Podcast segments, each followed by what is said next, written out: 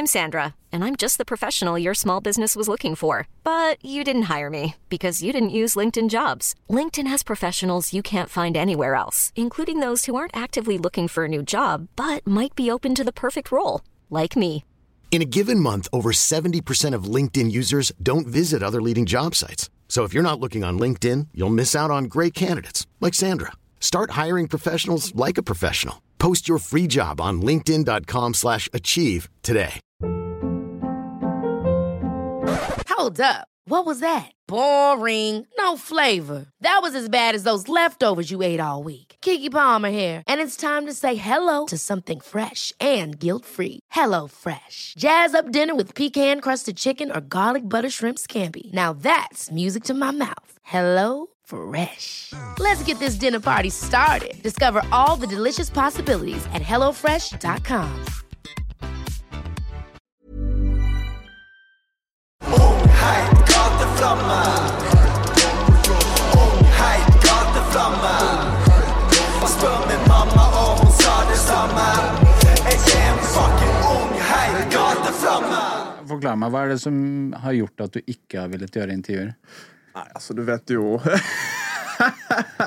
Du vet jo, gamle dager så ville jeg prøve å holde meg litt mer low-key. Ja. Og prøve å ikke ja, ville, var var ikke alt som på en måte var nødvendig for det offentlige å, å vite om. da, Og så var jeg kanskje redd for å forsnakke meg litt, for jeg er jo jævlig glad i å tyte. Ja. Det er ikke alt som på en måte trengtes å tyte om akkurat på den tida. Men uh, Men jeg har også en sånn teori at veldig sånn den stilen du kom med Mm. Ikke nok med den selvtyste greia, det er jo én ting, Mm. og jeg, prøv, jeg har aldri hatt et ønske om å være Vlad TV, men en ting som jeg også opplever, da, og her vil jeg ha din eh, tanker Hvis den du er på track og video, er et stykke unna deg som person, liksom, mm, så er det dumt å gjøre intervjuer fordi du er en jævlig jovial fyr, og når du skal være jævlig liksom, kun kontante drithard, liksom, og så kommer det her og bare faen uh... ja, ja, man skaper jo litt spenning med å, med å holde seg unna intervjuer, da, i hvert fall på den tiden. Ja. Og så, og så ble det liksom bare en blanding av kanskje spenningen og det at, eh, at eh, Kanskje var redd for at eh, man gjerne skulle forsnakke seg. Og det var jo ikke så populært å gjøre på en måte intervjuer. Altså, det var jo ikke noe, YLTV var jo helt nytt. Relativt nytt på den tid. Ja. Alt var nytt, og det var mye usikkerheter rundt det. Og så var det det vi holdt på med, og så var det sånn mm, kan, Kanskje vi bare kuler an. Vi kan jo være vi klarer å skape litt spenning. Så var det PNL. De, hadde jo, de kjørte jo en sånn stil. Og jeg er jo Ja. veldig PNL-frelst etter Leo og Lars viste det til meg. Ja. Så vi prøvde å kjøre den stilen, da.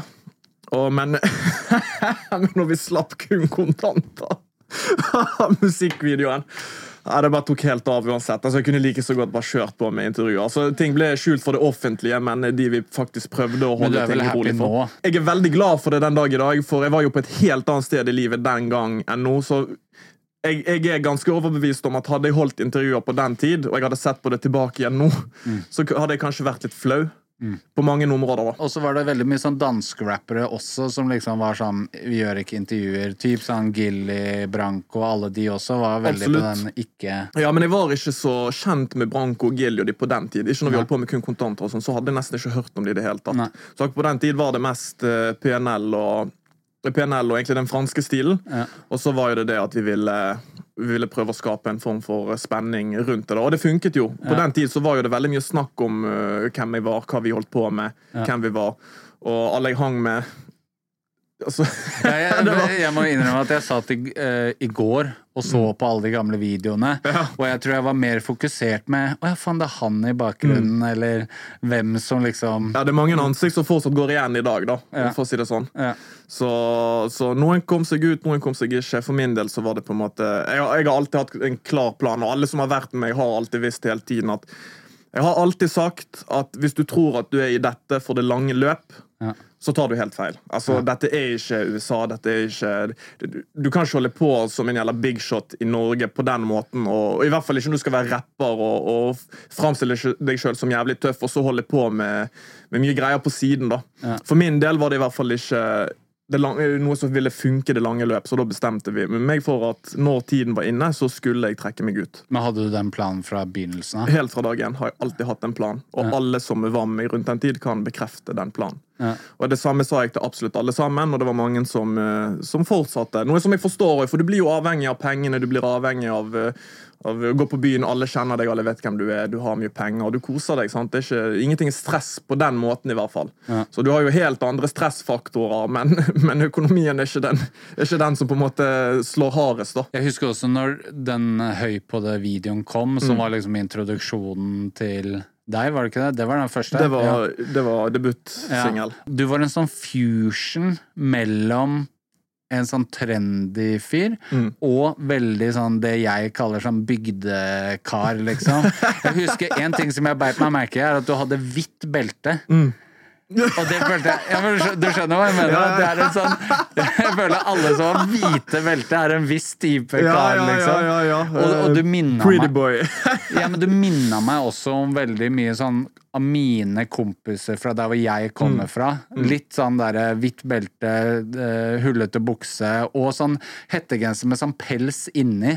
Jeg føler det også er en sånn Mm. Ja. der, en viss estetikk. Så, tenkte, så det jeg likte veldig godt, var at det var eh, at det var en fusion mellom Ja, ja. sånn veldig nordmann og den derre byestetikken på en eller annen måte blanda igjen, da. Ja, ja, men nå skal jo det være sagt, altså eh, vil, Jeg i hvert fall personlig da likte jo å tro at det var en gangster på den tid. Ja, ja. Det, Jo, men det er veldig den norske gangstergreia. Sånn, 100, litt sånn, og, 100% Og man gjorde det man gjorde, og man tjente penger. Men sannheten er at syvende og sist, jeg hadde jo selvfølgelig Jeg har en ganske traumatisk eh, oppvekst. Mye har skjedd. Jeg har, jeg har mye i bagasjen, ikke sant? og Ja. man har sine måter å utagere på og få ut frustrasjon på, da. Og det ble en av måtene som fungerte for meg på den tid.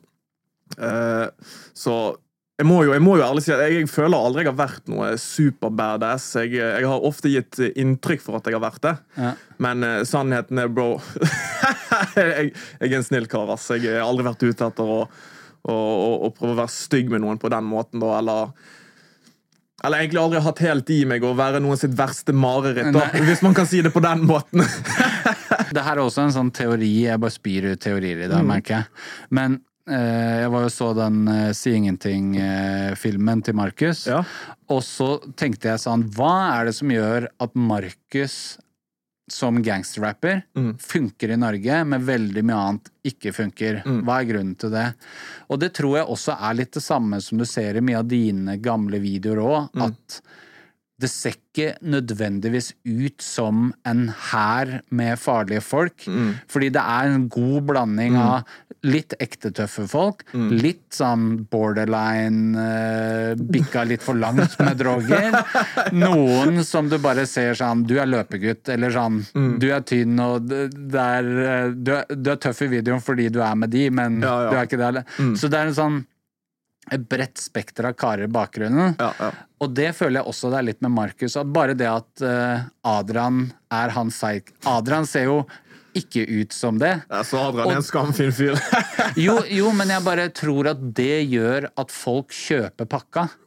Fordi det gjør at nordmenn ser det, og så tenker sånn Ja, men jeg har også Jeg kjenner de De karene fins der hvor jeg er fra, men hvis det blir for amerikan...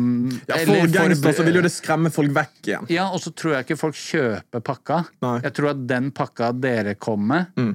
og du kom med, den tror jeg man bare kjøper. Mm. Fordi den, gut den guttegjengen Mm. fins på alle tettsteder Ja, i da, Ja, det er noe sant. Og der er det, ikke sant? Det er en høy dose av folk med diverse bagasje som liksom eh, hører på rap og ser på Sopranos og kjører seg opp med en litt sånn psykose. Ut og tjene litt penger, for å si det sånn. Ja. Ja, da, jeg, jeg, jeg forstår hva du mener. Nå kan jo ikke jeg uttale meg så mye for eh, hvordan de holder på, for jeg har ikke så mye kjennskap til, til de guttene lenger, i hvert fall. Men, Nei, men nå tenker jeg mer men, den der eh, den ja, jeg skjønner hva du mener. Absolutt. Altså at hele pakken, da, for, eh, for det, det er jo som du sier hvor mange ungdommer finnes ikke der ute i dag som, eh, som har lyst til å være supertøffing, har lyst til å være supergangster? Men sannheten er jo at de fleste, og jeg vil tørre å påstå at de fleste, vokser opp på et punkt. De fleste får seg dame, de fleste får seg en jobb, de fleste får seg kids.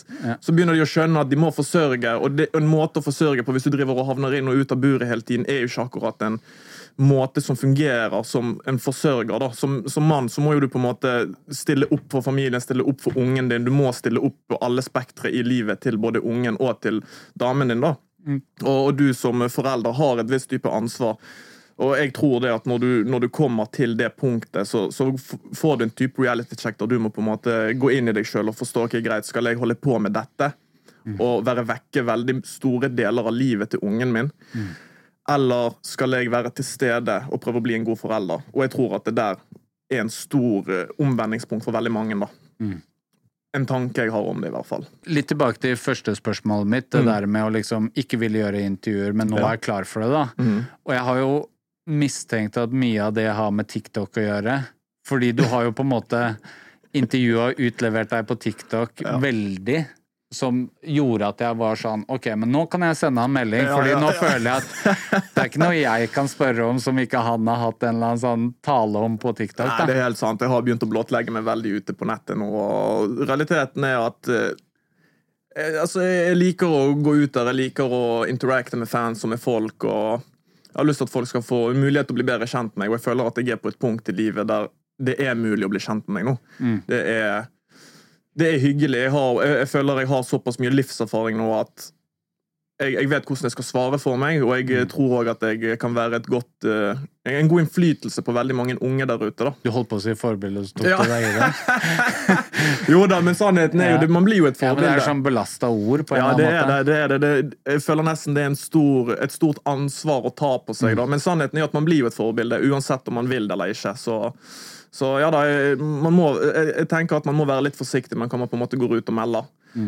Til en viss grad. Mm. Men jeg også tar meg selv i at veldig mange av de intervjuene jeg gjør her, Mm. blir sånn på mange måter en eller annen sånn terapisession. Veldig ofte for meg og gjesten, hvor man sitter og bare herregud. Fordi den her settingen gjør at man plutselig har de der samtalene som Mm. ikke jeg er så vant til å ha eh, på hjemmefronten, eller jeg har ikke hatt så mye av det, da.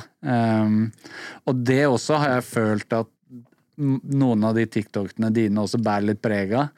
At jeg kan se for meg at etter du har spilt inn et par av de, så er det bare åh, det var deilig å ventilere, eller så, Ja da, det, det er litt sånn, mer rolig i dag, Ja, ja, liksom. det blir faktisk litt eh, Det blir, litt, det blir jo personlig, da. Ja. Man, man, eh, for man begynner jo å lage en video, så tenker jeg faen skal jeg svare på dette spørsmålet. Faen skal jeg si til det? Ja. Og så begynner man på en måte å snakke, da, og man jeg i hvert fall personlig tar jo det veldig på sparket. Det er ikke sånn at jeg sitter og øver og tenker er ut hva jeg skal si. Nei, ikke sant? Så jeg drar nå bare opp kameraet, og så begynner jeg å filme, og så svarer jeg, og så bare hmm. Så kommer man ofte med et svar på sine egne spørsmål mens man lager en TikTok-video, da, hvis det gir noe mening. Det er det samme jeg har når jeg snakker høyt til meg selv. Ja, ikke sant? Det må være innafor å snakke høyt til seg selv.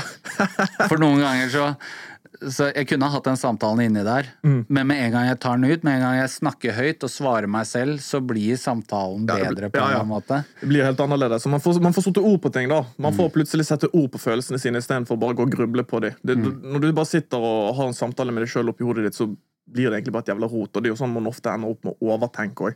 Mm.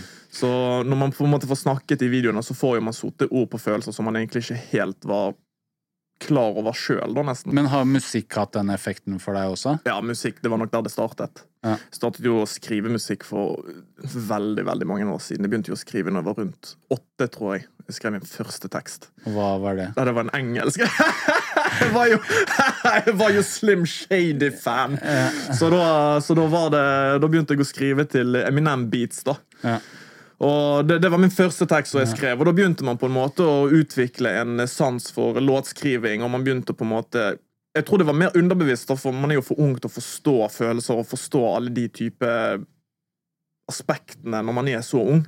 Men eh, så har man på en måte bare tatt det med seg. Så for meg har det bare vært en veldig naturlig overgang. Altså, Å bare ta med musikken videre. Det er bare noe jeg alltid har gjort.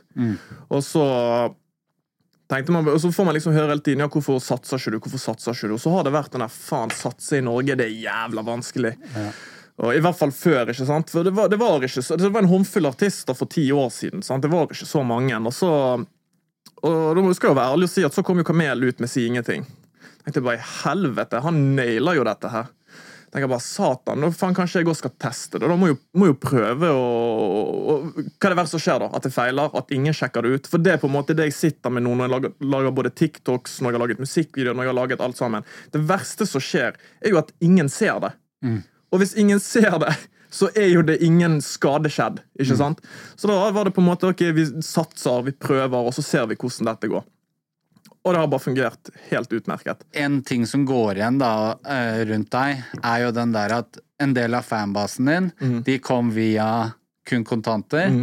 Og den andre halvdelen, den har kommet fra sånn salt karamell Ja, og det. Mm. du har gjort i etterkant. Og det er ikke nødvendigvis noe sammenheng mellom både fanbasene og låtene dine. Nei, nei.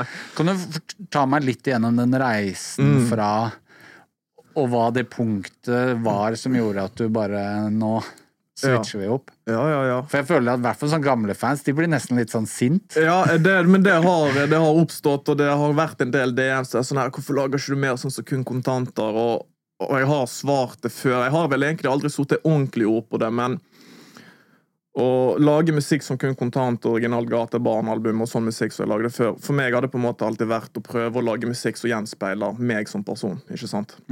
Så når jeg på en måte ga meg med alt jeg holdt på med, og bestemte meg for å vokse opp, da, hvis det er det vi kan kalle det, så, så, så, ble det, så, så ble det å prøve å gå litt i meg sjøl, da. Så det var jo der eh, bruddet med meg og Leo skjedde. At eh, vi valgte å gå hver vår vei. Vi var fortsatt venner, og vi snakker fortsatt en dag i dag, og vi er fortsatt venner, men eh, jeg på en måte trakk meg helt ut og, og begynte å gjøre helt Gikk egentlig litt mer i min egen boble, da. Kom meg vekk fra Bergen. Jeg bodde på Stord i en liten periode og prøvde bare rett og slett å koble ut og prøve å finne ut av hva jeg vil. Og så prøvde jeg å gå litt i meg sjøl og tenkte bare nå må jeg tilbake igjen til der det startet med musikken. da, Og det med å skrive musikk med hva jeg føler. Og da lagde jeg begynte jeg på et album som eh, per dag i dag fortsatt ikke er ferdig, så jeg har holdt på med i mange år. Og det, var, det er mye mer det er synging. Men da begynte jeg å skrive de låtene, og jeg fikk ut såpass mye følelser der at jeg tenkte at ok, shit. Eh, Jeg begynte på en måte en ny reise med meg sjøl, da. Så, så når jeg eh, så, så fant jeg June, eh, min samboer, da. Så ble jo vi sammen. Rett det du sa i stad, så treffer man en dame, og så Så traff, så traff man en dame. Jeg hadde jo allerede gitt meg før jeg traff henne. For meg var jo det ganske, ganske avklart at jeg hadde lyst til å gi meg. Og så var jeg alltid bestemt på at hvis jeg skal gi meg, så skal jeg gjøre det for min del, og absolutt ikke for noen andre sin del, så jeg ikke kan skylde på noen andre hvis noe ikke skulle gått sånn som jeg vil. Man må stå for sine egne valg, og man må klare å stå gjennom det òg. Så når jeg traff June, så gjorde hun jeg skal jo ikke lyge, helt klart, så gjorde hun eh, reisen veldig mye lettere. ikke sant? Hun måtte jo støtte meg økonomisk, hun har eh, støttet meg emosjonelt. Hun har vært en veldig veldig god støttespiller. Så vi bestemte oss for å flytte til Oslo fordi at jeg hadde, jeg hadde noen låter jeg hadde lyst til å presentere for uh, labelsene og major labelsene her i Oslo. Så først begynte jeg å fly over, da. Flydde jeg over og gikk og banket på Gikk og ringte på utenfor Warner.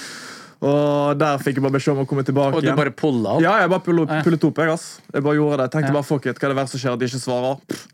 Så jeg gikk og ringte på hos Warner, og de svarte ikke. Jeg Gikk og, og prøvde å få tak Jeg sendte noen mails med Universal, og de var først interessert. Så sendte jeg låtene mine, så plutselig var ikke de interessert allikevel. Og jeg bare sånn, what the fuck, De ville ha kun kontanter, liksom? Ja, det virket nesten sånn. Da, for dette var jo, du må huske, dette var noe helt annen type musikk enn jeg noen gang hadde laget før. ikke sant? Og, så, og jeg var jo sikker på at dette kom til å selge. Jeg var sikker på at jeg kom til å få en deal sånn som dette. at det ikke skulle være noe problem. Så fikk jeg avslag, da, så jeg dro jo tilbake til Bergen og tenkte faen, hvordan skal jeg løse dette her? Og så husket jeg eh, Det var faktisk når jeg var i studio på Sandsli med en som heter Stian og Angelo, og de, så begynte vi å snakke litt sånn Drøftet litt om folk i Oslo som er i bransjen, og sånt da, så kom navnet til Guttorm opp. Guttorm Rå. Og det var snakk om at han jobbet i Warner. Så jeg tenkte ok, fuck it. Jeg eh, bare fanget opp det. Og dette er veldig lenge etter. altså. Dette var sikkert et år etter vi hadde snakket det navnet. Så bare klarte å fange det opp, og så, jeg, så fant jeg han Guttorm på Instagram. Sendte jeg han en melding som bare Halla, litt sånn skudd i mørket, men, eh, men jeg har Skrev du på østlandsk? eller? Nei, nå har jeg bodd for lenge i Moss, du hører jo det. Halla! Nei, Så sendte jeg en melding til Guttorm da og spurte, jeg sa forklarte han at du, jeg har noe musikk her som eh, jeg kunne tenkt meg å vise deg. Ingen forpliktelser, ingenting. Har du tid til å ta et møte og bare sjekke igjennom?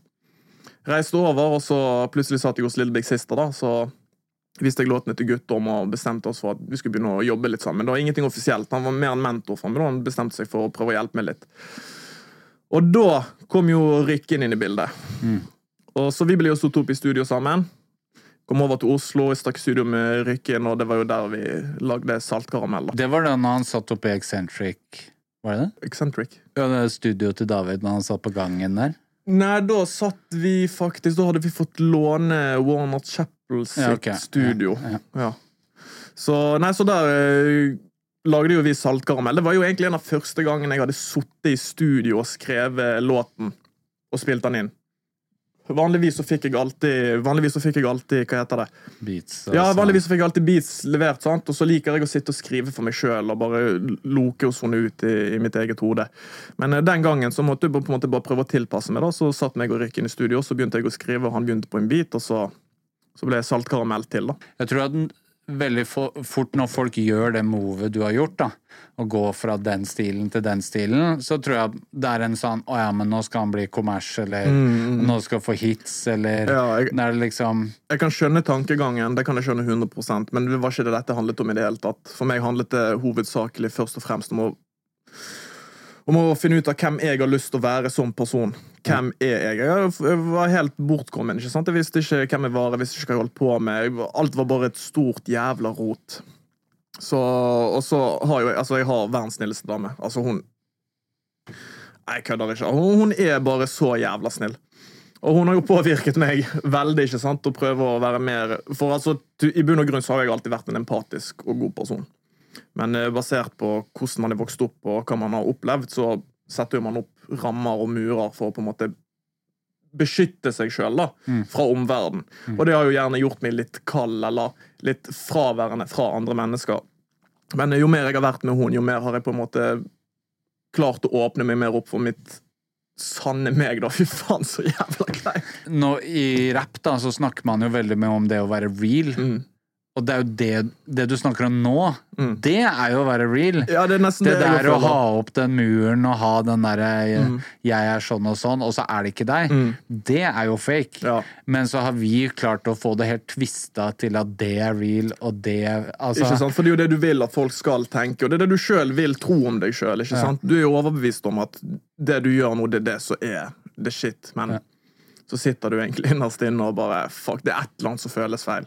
Ja. Et eller annet som føles feil. Og jeg kan også ta meg i å ha veldig mye av de der gamle grillene i hodet enda. Mm, Så eh, jeg kan liksom La oss si at jeg sliter og har en dårlig periode, og så treffer jeg for eksempel deg, da, Mm. og så sier du til meg ah, 'jeg har hatt det tøft om dagen', så instinktet mitt er 'ah, så jævlig veik du er', eller sånn. Og så tenker jeg 'men vent, han har det jo bare sånn som meg'. Ja, men jeg er også så, så jeg Men instinktet mitt er at når en annen mann forteller meg sånt, så er instinktet mitt ah, så soft eller Ja, du pussy du er. pussy, liksom. Ja. Pussy med en gang. Og så tar jeg meg det i, og så reflekterer jeg over at shit Mm. hva, Hvorfor har jeg de her Hvorfor tenker Hvorfor funker hodet mitt på den måten? Og så blir jeg helt sånn derre Jeg klarer ikke å forklare Eller jeg klarer ikke å komme ned i bunnen i det heller. Så nå har jeg liksom jeg klarer det sikkert etter hvert, men akkurat nå så er min metode at jeg tenker noe helt fucka, og så er- tenker jeg noe normalt, og så acter jeg på det normale. Ja. På. Det er min løsning Ja, ja, på det nå, da. Ja. ja da, det er jo helt klart, man sitter jo ofte i gamle mønstre, og, og, og det, vi, er jo vanedyr til syvende og sist. Vi, vi er veldig på vaner og på, på det vi er på en måte vant til å gjøre, da. Alltid. Men eh, det krever jo jævla mye jobb, i hvert fall når vi er blitt voksne òg. Det er veldig vanskelig å snu på rutiner og snu på vaner og Ja. snu på ting når du er voksen. Så det krever jo helt enormt med selvdisiplin for å klare de tingene. Men det er jo mulig. Ja, og så føler jeg at mye av den selvkritikken som jeg er redd for fra utsiden, den er jo inni her. Mm. Eller sånn Den er mye verre enn det som er der ute. Så jeg kan til og med ta meg Når jeg klipper et klipp Når jeg deler sånn som jeg deler nå, da, Mm. så kanskje jeg klipper ut det jeg legger på Instagram. Og så får man sånn her ja, Nå skal det liksom Skal det være selvpromo, eller Mm. Og du deler det bare for klikk, eller noe sånt. Men det har jeg jo allerede tenkt sjæl. Mm. Det er jo grunnen til at jeg måtte bli nesten 40 før jeg turte å si de Ja. tingene høyt.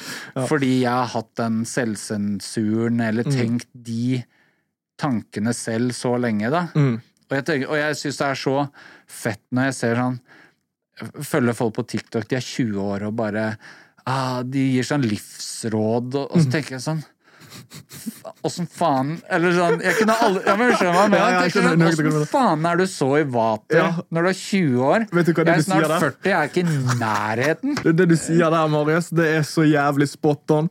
Jeg ser det òg på TikTok hele tiden. Sånne ungdommer som er faen meg, Til og med noen 18-åringer. Ja. 19-20, whatever. De, bare, faen, de er så jævlig reflektert og oppegående. Og sitter der bare Hæ? G, hadde du sett meg hvor jeg var på din alder, bror? Vi snakkes, mann. Du har en lys framtid, ass. Ja, ja, og så tenker jeg bare sånn hva faen har skjedd i ditt liv som gjør at eh, og, Men det kan også være med sånn musikkting. Mm. At jeg ser folk som har vært i musikkbransjen i to år, og de bare De gir råd på TikTok. Mm. Jeg bare Faen, jeg føler Ja, ja. Jeg har jobba i snart 20 år, og jeg føler fortsatt ikke jeg kan sitte og Ja, ja. preache full on, liksom. Samme her, man har holdt på med dette her i åtte år pluss, og, og så, så sitter du liksom noen ungdommer som har holdt på i ett-to år og begynner å, å gi ut råd. Og jeg syns det er dritfett. Altså, Ja, for Guds skyld, Vi blir jo bare smartere og klokere av hverandre, ikke sant? så det, det er jo dritfett, men det blir jo litt sånn der- jeg, jeg finner ikke å klare å gi råd. Og jeg har jobbet med dette i åtte år. Ja. Hvordan faen klarer du å finne alle disse tingene og bare spytte det ut? Men for guds skyld, det er dritfett. Og av og til så tar man noen tips, også, sånn som TikTok, for eksempel. Det er jo som oftest de unge jeg ser som nailer det best. Ja. Og da blir jo det liksom å ta innspå. Og jeg tar meg også bli sånn derre at referansepunktet mitt er TikTok nå. Jeg? Jeg er ikke der hvor at jeg er sånn, det er ikke det som sprer konspirasjonsteori, men jeg tar meg ofte i å si sånn Og dette tipset, rådet, så jeg på TikTok, eller sånn.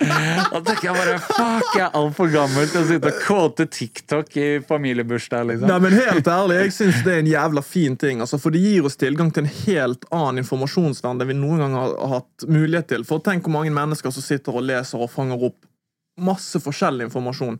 Jeg fanger opp helt annerledes informasjon enn det du fanger opp. Så når vi da har en plattform der vi kan dele kunnskap med hverandre i stikkord det er jo ingenting som bedre enn det. Det er jo ingenting som gjør oss smartere enn å kunne dele, å kunne dele kunnskap med hverandre. Jeg har aldri tenkt på det, at det er sånn kollektivt hjerne, liksom. Jo, men helt klart, Det spørs jo òg på algoritmen og hva man følger. da. Men eh, det vil jo alltid dukke opp et eller annet. Og, Ja. Og man blir jo bare klokere av hverandre. Altså, det som man sier Vi er jo flokkdyr, mann. Til syvende og sist så er vi flokkdyr. Vi står sterkere sammen enn alene. Mm. Så TikTok har jo egentlig bare gitt oss en mulighet til å åpne opp alle horisontene våre, til å åpne opp alle kunnskapsantennene våre, da. For å bli mer åpen om Men samtidig blir jeg livredd da når kids bare tror på alt på TikTok. Sånn. Ja da. da. får jeg jo litt noia. Helt klart, Det er jo veldig mye misledende informasjon på TikTok òg. Og man, jeg mener jo absolutt på det sterkeste at man burde uten tvil uh, dobbeltsjekke eller faktasjekke påstander før man på en måte tar det for god fisk, nesten uansett hvem som sier det. Og eh, Av og til så kan jeg gjerne ta meg sjøl i å komme ut med et fakta. Nå har jeg ikke gjort det på TikTok, så vidt jeg vet, men vanligvis da at eh, jeg har en samtale med en kompis, og så har jeg lest noe i en bok, og så kan det være at jeg husker noe som noe annet enn det det var. sant? Ja. Så spytter man ut informasjon som egentlig ikke var helt riktig. Ja. Så det er jo uansett lurt. Er det noe som du tenker å ta til deg, så vil jeg Uansett hva, hva som skjer, så ville jeg tatt og faktasjekket det før man på en måte går videre med det, eller før man tar det til seg. Men det, hvis du klarer, hvis du har den logikken, da, hvis du klarer å faktisk forstå at ok, dette høres smart ut, dette må jeg sjekke opp og hvis det funker, så vil jeg gjøre det sjøl, så tror jeg du, kan, du er åpen for å bli ganske ganske smart på ting, altså. La oss snakke litt om Fordi når du slapp Sal Salt Karamell, var den første låta av gåsetegn, det nye soundet, på en måte? Saltkaramell ble egentlig en blanding av nye soundet. Og Det var en sånn overgangslåt. Ja, det var egentlig det. Og så, så og den ble jo egentlig en jævla bra I begynnelsen var ikke jeg så jævla fan av den Jeg låten. elsker den låta. Ja, du gjør det? Ja. Jeg elsker den nå, jeg òg, men i begynnelsen så hørtes det veldig rart ut. ikke sant? Dette det var noe helt annet enn det jeg hadde gjort før. Så i begynnelsen var jeg litt sånn hmm, ok, Og så skulle jeg liksom sende den til damen, da. så begynte det å krible litt i magen. Det er veldig lett å lage sanger om kjærlighetssorg eller om ting man har tapt og, og ting man har mistet, og bla, bla, bla. Men når du skal lage en sang som viser at du setter pris på en person du er med, så er det det sitter jævla mye dypere, altså. Så det var en eh, Satt langt inne og sendte den sangen, og så ja, hva syns du? Og så blir man litt sånn der Ja, det, det er nå bare en sang. Men det er jo ikke bare en sang. Det er jo masse følelser, og det er jo mye ekte snakk i den sangen. ikke sant? Ja. Og så gikk jo det videre til at ok, greit, dette liker jeg, dette var gøy, dette ble godt tatt imot, og så prøvde jeg videre, da. Og eh, da kom jo Og meg og Guttorm hadde jo kontakt hele tiden. Og så ble det en ganske lang pause imellom der òg. Og så ble jeg kjent med Anders. Anders Nilsen. Ja. Liksom, Riktig. ikke vet hvem Anders er. Ja, Anders Nilsen. eh, mastermind. Geniet bak eh, geniene. Ja, når meg og han begynte å jobbe sammen, da begynte jeg å føle at ok, greit, nå begynner jeg å finne virkelig min sound. Og, jeg var og på det øyeblikket jeg var jeg veldig, veldig danskinspirert. Og det er jeg den dag i dag òg. Altså. Jeg, jeg hører veldig mye på RH. Jeg syns han er dødskul, har fulgt med på han veldig lenge. Og så Gilly, så klart. Kesi, Branko. Og, og, så har vi jo Anders klart å skape min sound basert på de forskjellige inspirasjonene jeg har. da. Og jeg føler at meg og han har hittet det ganske bra. Vi lagde jo Lale. Og vi tenkte ok, greit, denne kommer til å slå jævlig bra an. Denne kommer til å klikke. Man lagde musikkvideo og kjørte på, men så ble ikke det Altså, det ble jo tatt bra imot, men langt ifra det jeg forventet. Og det er jo det jeg har sett Men, men eh, hva gjør at du tenker at det Fordi det har jeg også tenkt litt på at det også er den derre ah, men dette blir en hit. Det er jo veldig den tankegangen til kanskje Anders og veldig mange av de han lager musikk med til vanlig, er jo veldig sånn Ja, dette er en hit, det blir en hit, på en måte. Eh, og at da har man jo også lagd musikk med litt mindset at det skal bli en hit. Sånn i forhold til spørsmålet jeg hadde Ja, i stad, ja, ja, at liksom når folk er sånn Ja, men nå lager du musikk for hits, Mm. og så tenker jeg sånn Hvis man tenker at dette er en hit før du har gitt det ut, Mm. så har du på en måte kanskje også skrevet musikken litt med tanke på at det faktisk skal smelle. jeg, jeg skjønner tankegangen. Eh, for meg har det ikke funket sånn, da. Eh, for meg har det handlet om at jeg ville lage den type sound. Og Anders elsker jo den type sound, for for han er jo dette hits. For meg altså jeg, for, Du er litt sånn hans måte å lage den musikken han hører på sjæl, uten at den er så kommers så mye av det ja, andre han ja, gjør. ja, det er helt riktig. og Jeg tror det er det som gjør at vi klikker så jævlig bra. For vi jobber jo enda sammen til den dag i dag. Og skal jo vi være helt ærlige, så er jo ikke det best butikk for han å jobbe Nei. med meg. For det genererer ikke så jævla mye plays at han sitter og tar seg ut en feit lønning hver måned. liksom. Nei, de der feriene jeg ser han er på hele tiden. Det er ikke, det, ikke, det, er ikke. Det er ikke ferdig finansiert, liksom. Men, eh, men så det er nok det som gjør at vi har jobbet så bra og så lenge sammen, og det er nok fordi at vi begge liker det vi holder på med. Jeg skriver jo, jeg skriver jo fortsatt fra hjertet, jeg skriver fortsatt fra sjel, og, og for meg er det alltid viktig. Jeg klarer ikke det der å begynne å preike om eh, festing, doping, rusing. Altså Hvis det på en måte skal inn i musikken min, så må det være naturlig, og at det må passe inn i emnet jeg snakker om. da. Så for meg blir det veldig livsbaserte tekster. Og det blir dritkult kombinert med andre sine produksjoner. Vi, vi har skapt en veldig god sound, og det er det jeg satser mest på i dag. Fordi det er det som gir meg mest å lage. Jeg blir genuint livsglad hver gang det tikker inn mail fra Anders. Boom, beats. Åh, dritdigg. Da, jeg å- da sitter jeg og skriver. Så jeg kan skrive en låt på timer. Hvordan har dere kommet fram til det soundet du har i dag, og hvordan har du jobbet med tekstene dine Mm. for å komme dit? Det, det har falt naturlig, altså. Ja. Det har, det, har ikke, på måte, har, det har ikke vært sånn at jeg sitter og gjør hjemmelekser og prøver å finne ut av hva jeg må gjøre for at dette skal høres bra ut. Jeg har bare skrevet, og så har det bare blitt bra. Og så har jeg jo selvfølgelig sett gjennom teksten og så bare mm, Nei, dette var ikke helt, eh, helt riktig. Og så endrer man gjerne på noen ting, da. Men eh, nei, det har bare vært naturlig, altså. Det har det. Når det kommer til dine tekster, da, altså når det var den gaterap-greia, Mm. det også er sånn eh, Du er- beveger deg jo bare helt i toppen Mm. av hvem du er som person, ikke sant? Når det blir sånn skrytete, og det er jo grunnen til at alle begynner med skryterap, er fordi det er jo det enkleste å skrive. Mm. Ja, ja. Jeg er fet, og Ja, ja. vi er kule, og vi er farlige. Ikke sant? Det er veldig lett å skrive det. Um, og så føler jeg at Jeg vil ikke kalle det du gjør nødvendigvis pop-rap, men Mm. mer i pop-segmentet. Så syns jeg de også beveger seg helt i toppen Mm. av et tekstunivers, fordi øh, og jeg er glad i deg, og du er glad i Ja, men det er bare sånn derre At det også bare beveger seg helt, helt i toppen. Ja, ja, Kanskje bare litt mer laidback skrevet, da. Når jeg snakker med deg som person, Mm. og du deler av ditt liv, så tenker jeg sånn, oh shit, det her vil jeg høre mer om. Mm. Og så hører jeg en låt, og så tenker jeg, men jeg hører jo ikke noe Jeg hører ikke det i Jeg har tenkt det, ikke sant? Mm. Og så gjorde vi den Forklarer teksten-videoen med den Lale-låta. Mm. Og så blir du mad emosjonell, Ja. og du forklarer ting. Og så tenker jeg sånn Shit, jeg har ikke det du sier til meg nå, det har ikke jeg fått ut av den teksten. I det hele tatt. Mm. Whatsoever. Jeg har ikke skjønt noe av det av de ordene du sier, fordi du nok fortsatt pakker det inn Ja. at det er sånn de som vet, de vet-type Mm. Ja, ja, ja, betydning, da. Absolutt. Ja, det var mye du forklarte i den der hvor jeg bare What? Betyr det, er det det det betyr? Det har jeg ikke skjønt i det hele tatt. Ja. Så det er sånn todelt for meg, da. At jeg gjerne skulle hatt deg mye mer i handlingen og i teksten. At jeg gjerne skulle liksom For jeg tror eh, Og jeg hadde den samtalen her med Jonas Benny og Baa. Mm. At han også serverer meg én setning her og der, Mm. og så tenker jeg sånn Den ene setningen ble jeg sånn Shit. Det her, jeg skulle ønske hele låta var den setningen, og jeg Ja. fikk hele historien. Fordi, Og du også gjør det. Du refererer til ting. Men det du refererer til, det er det jeg gjerne skulle ha hørt. ja, ja. Og det er det jeg også mener, at vi fortsatt beveger oss litt i toppen av hvem du er som person, og at jeg kanskje personlig gleder meg til at jeg får liksom Mm. den setningen strekt ut, da. Veldig interessant synsvinkel på dette her. Da. Jeg har aldri tenkt på det på den måten, for å være helt ærlig.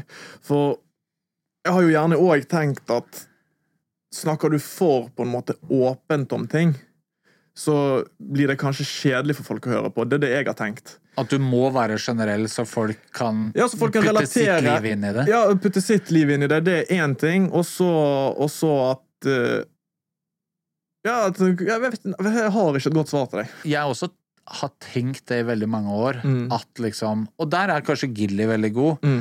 At tidlig opp er jo det beste eksempelet på det. At du kan, hvis du er husmor eller rørlegger eller eller faktisk pusher, Mm. så føler du den teksten Ja, ja. fordi den er til deg, på en måte. Absolutt. Jeg bare Jeg har ikke noe fasit Ja, nei, her. nei, Jeg nei. bare syns det er ja, ja, ja, interessant ja. at jeg bare Det var det jeg satt, Absolutt. satt igjen med etter at du gjorde den Ja. forklar teksten. Jeg har, At bare, ikke tenkt på det. Helvete, det her har jeg ikke sett, det her Ja. har jeg ikke følt, det har jeg ikke fått av deg. Bortsett fra når du og jeg har snakket privat, Ja, ja. så har jeg fått de tingene. Mm, Men jeg har aldri fått det på den måten Nei. av musikken din. Og jeg sant. hører på den låta på en helt annen måte Ja, i dag fordi du forklarte det, da. Ok, ja, det, det er et veldig interessant uh, synspunkt på det. Altså, jeg har aldri tenkt over det på den måten, men jeg skal faktisk ta det med meg og ha det i bakhodet neste gang jeg skriver en tekst. Det vil jo kanskje gjøre det litt mer gøyere. Men hvis man fortsatt beveger seg i uh, de seriøse temaene Altså sånn Ok, la oss si at man har opplevd vold i hjemmet, eller at man har eh, falt utpå med rus, eller hatt sånne ekstreme greier. Mm. Men det er ganske mange som har vært ute Ja, ekstremt. Så jeg tror også at hvis man klarer Det er bare min teori, Ja, ja. da, men jeg tror at man kan være ganske at det blir litt, ja, men det blir litt sånn så styggen på ryggen-låta til Paul, da. Mm. At den er jo litt generell, men fortsatt den er jo veldig er veldig, ja, veldig spesifikk allikevel. Mm, ja, ja, ja. Den er jo faen meg en av de største norske Mm. rapplåtene noensinne, på en måte. Det er jo der jeg har klart det. For det du sier nå, der, det har jeg klart på det albumet som jeg snakker om, da. Ja. Men igjen, det albumet går igjen òg veldig langt vekk fra alt du har hørt fra meg noen gang. Ja. Altså det er noe helt annerledes. Men der går jeg veldig veldig dypt og personlig på det. For der begynte jeg å skrive for min egen del. Ja. Og jeg syns det er jævla fint. Men eh, jeg har også tenkt på at eh, jeg tror ikke jeg noen gang kommer til å slippe de låtene. Nei. Jeg er jævla usikker. Ja. De er veldig Hvorfor person- det? Eh, For de er veldig, veldig personlige, for det første. Ja. Og eh, det er visse personer i livet mitt jeg ikke er interessert i å sette i et dårlig lys, uansett hvor vondt de har gjort meg. Og det kommer tilbake igjen til det at jeg er en empatisk og god person, tror jeg, da. Jeg, liker å tro at jeg er en empatisk, og jeg liker å tro at jeg er en god person. Og det gjør at hvis jeg slipper noen av de låtene, så vil det peke veldig fingre. Mm. Og det gjør at jeg har begynt å tenke mye mer over det før jeg For jeg har lyst til å slippe de, men jeg er livredd for å slippe de. Mm. Og igjen så er det òg en helt annen sound. Og det er der jeg har klart å finne balansen da, med, med meg og Anders, er at jeg kan snakke om, eh, om livsrelaterte hendelser samtidig som, eh, som man holder en jævla gøy uptempo-beat som man både kan danse til og glede seg over. da. For jeg syns ikke det er så jævla artig å pushe på depressiv, trist musikk. Jeg har lyst til å klare å få inn det triste med noe, gl no, noe som gjør deg glad. da. Ja. Og det er det jeg føler jeg får Ja, til. for det var det jeg skjønte du gjorde med den Lale-låta. Ja. At den teksten var egentlig skrevet på Eller du sier det jo i videoen nå, da. At du, du har skrevet teksten på en depressiv beat, Yes. og så tok du den teksten på en happy beat. Riktig. Og jeg elsker Personlig elsker jeg den kontrasten. Jeg elsker å snakke om noe dritseriøst eller deppa på happy beats, eller glade ting på sakte, seige, Ja. dystre bit. Det er jo litt sånn som når jeg gjør de her intervjuene, så er det sånn De tingene du snakker om nå, hadde jeg vært Lindmo, så hadde vi Det er jo bare det jeg hadde fokusert på, Ja, ja. ikke sant? Fordi det er det der, den derre hva heter det? Den vanskelige historien? Ja, ja, Gå inn i dybden da, Ja, gå inn i dybden på, i ryggraden på artisten. da. Ja, men eller liksom Det er jo en slags sånn sosialporno, på en måte. At man prøver å bare 'Å, har du hatt det vondt?' La oss snakke om det, på en måte. Eller sånn Det er jo sånn, hadde du vært på Norske Talenter, så hadde det jo Ja, ja. du du skal bare ha vondt én gang i livet før det liksom er ti Så det- minutter Ja, ja, feature-sak, liksom. Men der bygger de det opp så faen med hele forhistorien på video og alt Ja. mulig. sant? Men på en måte så er det jo hver gang du toucher borti de tingene, Mm. at jeg tar meg selv å bare Oi. Eller når du delte ting på TikTok, for den saks skyld, Mm. så er det sånn Oh shit, her er den ekte Mm.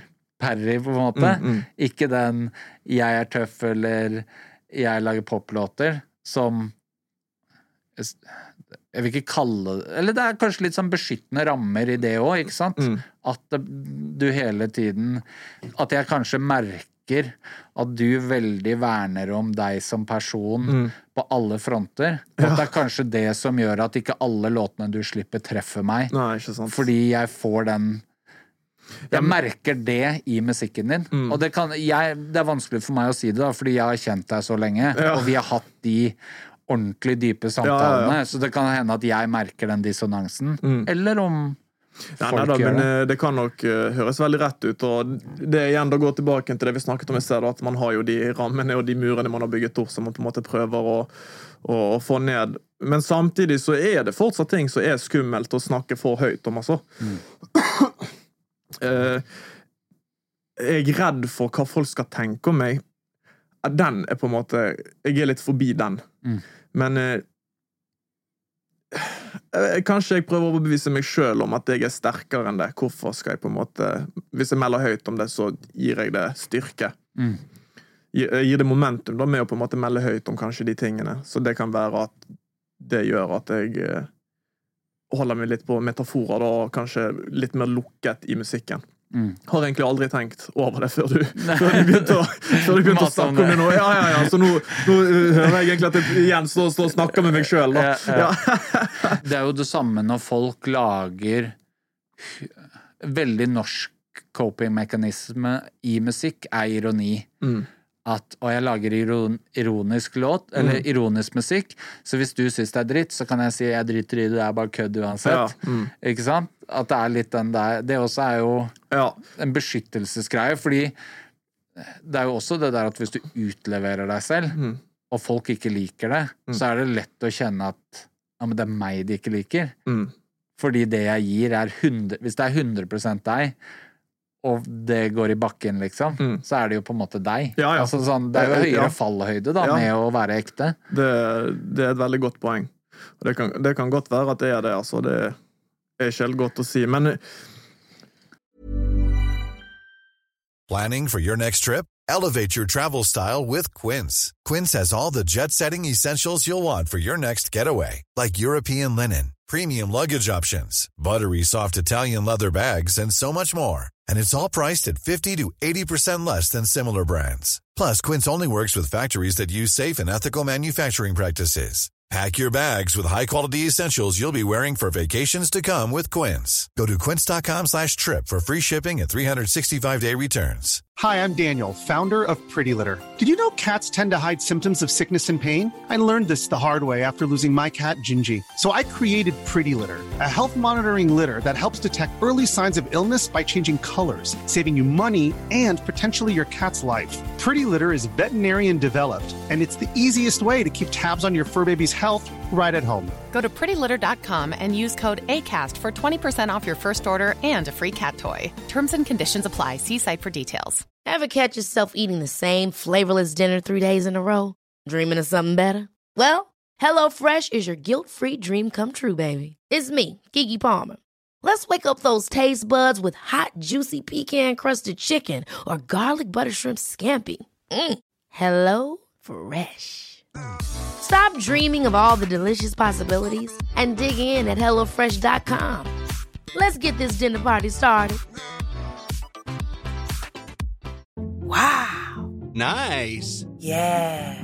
What you're hearing are the sounds of people everywhere putting on Bombas socks, underwear, and t-shirts made from absurdly soft materials that feel like plush clouds. Yeah, that plush. And the best part? For every item you purchase, Bombas donates another to someone facing homelessness. Bombas. Big comfort for everyone. Go to bombas.com slash ACAST and use code ACAST for 20% off your first purchase. That's bombas.com slash ACAST. Code ACAST. Ja. Den køddegreia. Jeg ble litt sånn satt på denne køddemusikken, da. For det er, det, det er jo noe av det jeg ser som treffer veldig veldig godt i, i norsk musikk. da. Henvendelser på TikTok om å være med og lage eksempel uh, tullemusikk. da. Vil jeg vil ikke gå spesifikt inn på for hvis noen skal føle seg truffet. Og, og det er ikke noe problem for meg. altså, Og det som jeg, svarte, som jeg svarer, da, er at eh, for meg er det veldig viktig å holde musikken profesjonell. Eh, Jeg skal kunne se tilbake på de tingene jeg har gjort, og være stolt av det. Ikke sant? Så hvis jeg, ikke, hvis, hvis jeg føler meg litt ukomfortabel med noe, så er det mest sannsynlig fordi at jeg kjenner at det er noe feil.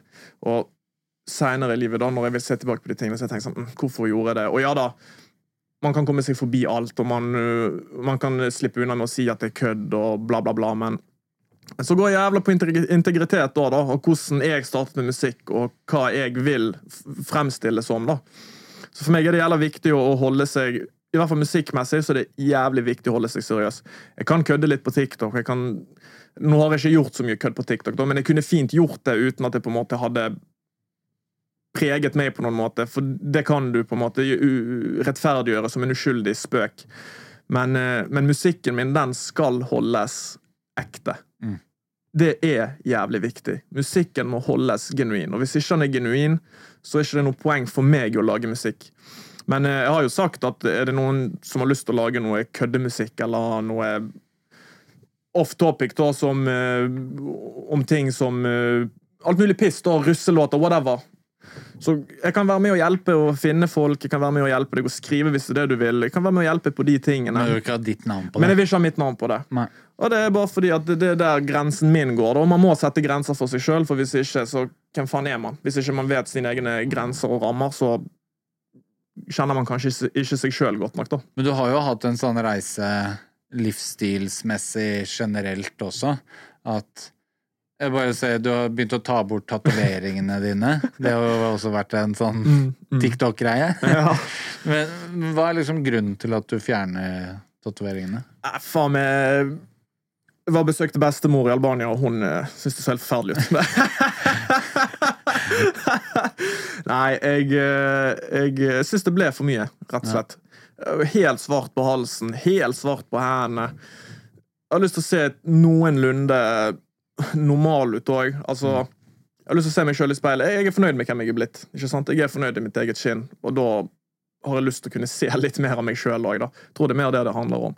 Å være komfortabel med hvem man er, og hvem man er blitt. Og hva man vil. Ikke minst hva man vil. Jeg vet hvor jeg vil i livet, jeg vet hva jeg vil i livet. Og jeg føler at det ikke passer seg med tatoveringer på halsen eh, der jeg vil i livet, da. Og så har jo jeg òg nå nylig jobbet som prosjektleder i Mac Entreprenør. En kompis sitt firma som jeg har begynt å jobbe hos, som jeg òg har meldt litt ut på TikTok. Og så går vi til kunder, da. Man drar gjerne på befaring. Og, og så, og så eh, er det kanskje noen jobber vi ikke får, og så vi tenker sånn Faen, den der burde jo vi fått. Hvorfor fikk ikke vi den? Og så sier jeg til han kompisen min da sånn Tror du Jeg bare tenker Tror du at jeg kan ha noe med tatoveringen min å gjøre? Han bare sånn Hæ? Nei, sier han. Det gir jo ingen mening. Hvorfor er vi jo kommet altfor langt til at noen skal bry seg om det?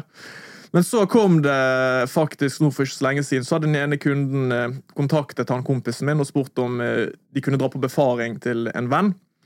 Men at de var veldig kristen, så om han kunne dra alene okay. eller med en annen. Og han bare sånn Hæ? Hvorfor? Nei, for han har så mye tatoveringer, og, de er veldig kristen. Så det har en viss innvirkning på folk ennå, altså. Og det handler ikke om at eh, Og det handler ikke om usikkerhet på Nei, jeg driter i hva folk tenker om meg. jeg driter Det. Det er jo ikke det det handler om i det hele tatt. Det handler om å bare hva skal jeg fremstille meg sjøl som. Hvis, ikke, hvis jeg har lyst til å jobbe med eiendom, så må jo jeg kunne være til en viss grad representabel. ikke sant? Jeg har, jeg har lyst til at bestemor skal se og ikke pye på 'å, faen, han har ødelagt halsen sin', hvis man kan si det. da. Så for min del handler det rett og slett om, eh, om eh, hvor jeg vil, og ikke minst om at jeg er jævla fornøyd med hvordan jeg ser ut og hvem jeg er. Så vil Det ikke også, jeg så at du delte at du mente at du begynte med tatoveringer også for å liksom gjemme at du Mm. ikke var så happy med hvordan du så ut, eller hvordan du følte deg. Og det er òg en helt annen historie på hvorfor jeg begynte på tatoveringer, men eh, den får enn så lenge fortsatt forbli privat. Ja. Men eh, det er på trass av noen, da. Ja. Det er på trass av en person at jeg begynte med tatoveringer. Ja, det er sånn jeg fikk meg bart. Ikke sant? Og på grunn av Eller egentlig hele karrieren min er på Ja, trass. ikke sant? Men det er ofte sånn det går. altså. Og på trass av det, når jeg så at det hadde en innvirkning, så gikk jeg bare og tok flere og flere og flere og bare dret i det. Ja. Men jeg, jeg er ikke hevngjerrig lenger. Jeg er ikke sur på noen lenger. Så hvorfor skal jeg, skal jeg ødelegge meg sjøl på trass av noen andre? Det gir ingen mening. Men det er jo ofte det vi gjør. alltid, Gjennom å begynne å ruse oss òg. Ruse oss på trass av noen.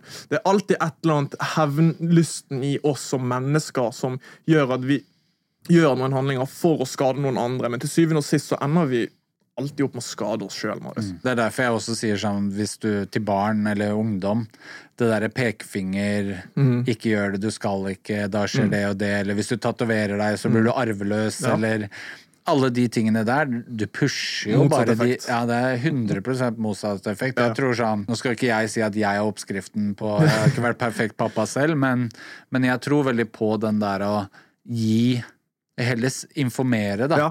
At vet du hva, med dette rusmiddelet er det denne baksiden. Mm. Med alkohol, som har liksom vært min store greie, så er det sånn, ja, men det er Du, du kan gjøre det, men det kan ha en bakside, Mm. Ja, ja. og den baksiden er skummel. Absolutt. Og så har jeg litt tro på at uh, vettue mennesker tar et godt valg selv, da.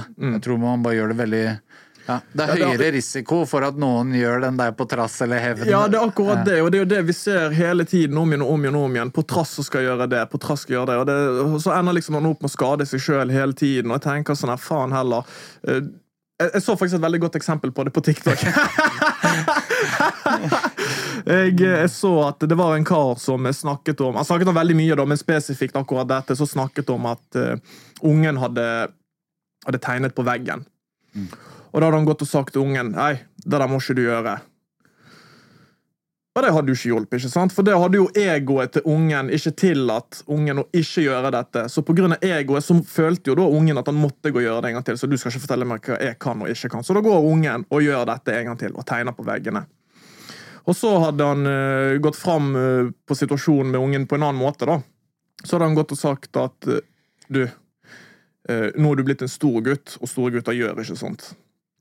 Det var det. Mm. Og da hadde egoet til den gutten vært så stor på at han er en stor gutt. Han skal ikke gjøre sånt, så han hadde sluttet å tegne på veggene. Men det er farlig det nå, da. For det blir litt sånn derre Ja. Jo, men den, Den, den kunne ha trigga meg gæren som barn. Okay.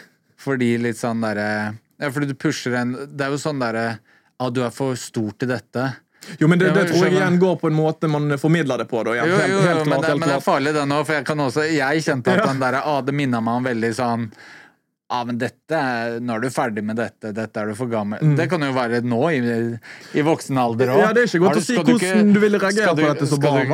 Perry, skal du ikke gi opp det musikkgreiene nå? Er du ikke blitt for gammel til det? Å, i helvete, jeg skal lage musikk til jeg dør Jo, fordi jo, du sa det. Helt klart. helt klart. Nå er jo dette tatt veldig ut av kontekst, men Ja, igjen, kontekst er jo veldig viktig, og så er det òg måten man formidler noe på. Da. Så hele poenget til Hanna var i hvert fall det at ord har veldig sterk innvirkning på oss. Ja. Og man skal være forsiktig med hva man, man sier. Altså, Men har du tenkt mye på det når det kommer til gamle, din gamle musikk også? hva Det der du? med ord og Nei, altså Igjen, som sagt, når det kommer til musikk, så kommer det artistiske fram. Da er ikke det egentlig alltid helt logikk som eh, slår inn. Da handler det ofte mer om følelser og hva man føler for å skrive der og da. Ja. Og Så ord har aldri egentlig vært et stort problem når det kommer til musikken, men eh, helt klart uh... Men tror du at å glorifisere gjør at flere Helt klart. Du tror det? Ja, helt klart. Ja. Altså, Hvis du sier noe annet, da er man ute og sykler. Jeg mener helt klart at eh, å glorifisere visse ting Ja. eh, Ja, det var det jeg mente litt med ord. øh, ja, ja, ja, ja. Jeg mener absolutt at uh, musikk, eh, TV, alt vi konsumerer, det har en form for innvirkning på hodet vårt. Jeg sier ikke at bare fordi at du hører på gangsterrapp, så blir du en gangster. Overhodet ikke. Men jeg mener at absolutt alt har en viss innvirkning på oss. Og så må man til syvende og sist sjøl velge hvem man har lyst til å være, og hva man har lyst til å formidle. Jeg mener ikke at gangsterrapp skulle vært ulovlig, åpenbart. Og jeg elsker jo å høre det sjøl. Men, eh, men for min del handler det om å ta ting til meg. Alt med måte, da. Jeg, eh, går jeg en uke og hører kun på gangsterrapp, så blir jeg litt sånn eh, svidd i hodet. Altså. Så begynner man å mimre litt og begynner, begynner å tenke litt i andre baner. ikke sant? Ja. Så jeg mener at absolutt alt vi konsumerer, alt vi hører, alt vi ser, alt vi spiser, alt det har en viss innvirkning på oss. Men jeg tror overhodet ikke at bare fordi at du lager gangsterrapp, så er du ute og, og lager et, dårlig, et problem. For det gjør jo du ikke. Og til syvende og sist så må vi kunne snakke om alt som foregår i samfunnet. og Vi kan ikke skjerme folk fra realiteten og fra verden. Det går jo heller ikke. Men at det har en innvirkning, det tror jeg. Jeg er sånn splitta i to Mm. at meg, en, 50% av meg er bekymra. Og 50% av meg elsker det og kan ikke få nok av det. Ja, ja. Og, har lyst, og jeg tar meg selv i å bli gira jo mer grovt det er, og jo Ja, mer ja. gærne folk er. Og jeg synes det er liksom Og da plutselig er jeg 13 år igjen. Og så bare Jeg føler det er en kamp mellom de to sidene av meg kontinuerlig hele livet. At jeg bare Men det er jo akkurat det som er problemet. sant? Men igjen, sant? Vi kan jo ikke Vi, kan jo ikke, vi må uskadeliggjøre absolutt alt. Jeg tenker at Det er det viktigste. Det viktigste er jo å informere, snakke, forklare, preike med hverandre. og, og men, men eh, ja da. Til syvende og sist, det som du sier selv, vi, vi blir påvirket på en eller annen måte. Altså, og jeg hører ofte når man snakker med noen ja, du må, Hvis jeg eksempel gir et tips til en kompis da, kanskje, For jeg har jo fortsatt kompiser som gjerne ikke har kommet seg helt ut ennå.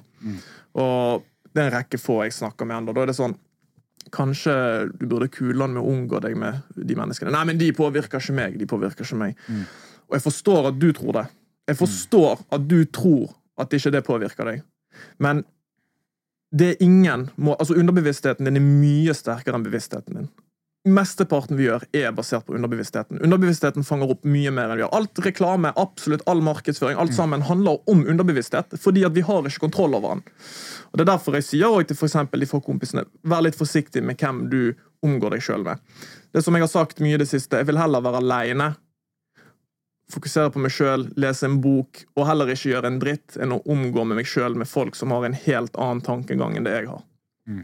For vi blir påvirket. Jeg har jo på ekte slått opp med venner. Mm. Altså sånn Jeg har hatt brudd med kompiser som har vært nesten mye mer direkte brudd enn jeg har hatt Ja. med damer.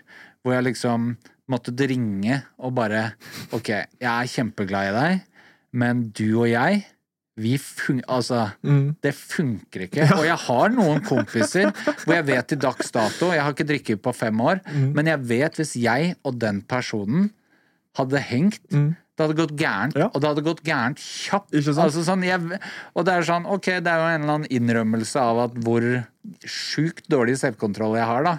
Men jeg bare vet at det er noen personer som jeg bare veit at jeg hadde, jeg hadde sikkert gjort innbrudd for første gang på 15 år Ja. fordi jeg bare hadde vært med den personen. Fordi at de, og da har jeg liksom måttet ringe og Ja, bare Eller mø, møttes og bare Fra og med Ja. i dag, du og jeg, vi henger Altså sånn Nei, vi, kan bare, vi må, man må bare sette og en strek et sted. jeg, jeg bryr meg om deg, og jeg kommer til å følge med videre og, Mm. og i det hele tatt, men Men det vi kan på ekte ikke henge, for det, det, her, det funker ikke lenger. Men det er jo sånn du sier, du sier jo at Det sier kanskje litt om hvor dårlig selvkontroll man har, men akkurat det, Marius, der tror jeg jeg vil være svært uenig. Det er jo det selvkontroll handler om. Jo, jo, det handler om å vite ja. svakhetene. Jo, det er Å forstå å holde seg Ja. unna de, de fristelsene, da. Vi er jo bare mennesker, for faen. Jeg har et stort problem med sjokolade nå. jeg prøver å kutte ut sjokolade og sukker. Takk, Ja, forresten. jo, det var det. Jeg tenkte litt på det når jeg sa 'vil du ha'. At, at jeg bare så det var treningstrynet ditt som har fuck, det er sukker. Jeg jeg prøver å fokusere mye på trening og helse, absolutt. Og jeg har et stort problem med sukker og sjokolade. Og har jeg dårlig selvkontroll pga. at jeg er veldig glad i sjokolade? Jeg vil heller si motsatt. Jeg vil heller si at pga. at jeg er så svak for sjokolade, og jeg klarer å holde meg unna, så, så vil jeg si at det er der selvkontroll kommer inn i bildet. da. Og Det er nå jeg får den telefonen, Marius, du og jeg, vi funker ikke. Gi meg sukker. Nei, Med en gang vi er ferdige her, så nei. Det er, sorry, bro. Sorry. nei da, men, eh, men det er jo det, da. Selvkontroll, disiplin, og på en måte klare å, å gå i seg sjøl og forstå at ok, greit, disse og disse fristelsene er jeg veldig svak for. Derfor må jeg trekke meg ut. Samme som i Bergen, da. Eh, Jeg har for mye, for mye dis distraksjoner, er det det det heter?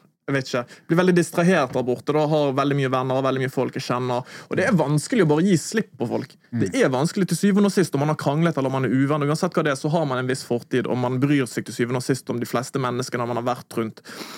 Så det er vanskelig å bare kutte helt ut. Så for min del var det da ok, greit, jeg tror jeg trenger en ny start. Jeg tror jeg trenger å komme meg vekk. Jeg tror jeg trenger å gå heller mye mer i meg sjøl og jobbe på meg sjøl enn, enn å sette meg sjøl ut for, eh, for eh, dårlige fristelser, da, hvis man kan kalle det det. Yeah. Og igjen så er jo det òg et definisjonsspørsmål. Hva er dårlig for deg, og hva er dårlig for meg? For man kan være to helt forskjellige individer med to helt forskjellige lyster og, og eh, fristelser, ikke sant?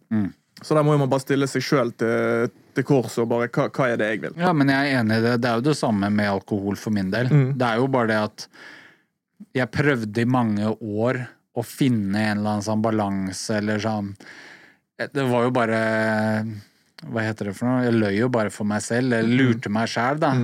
Eh, at liksom Ja, hvis jeg gjør det en gang iblant, eller begynte med sånn eh, Og det har jeg jo reflektert over nå i ettertid, at jeg har hatt en jævlig lang reise til der vi er i dag. Mm.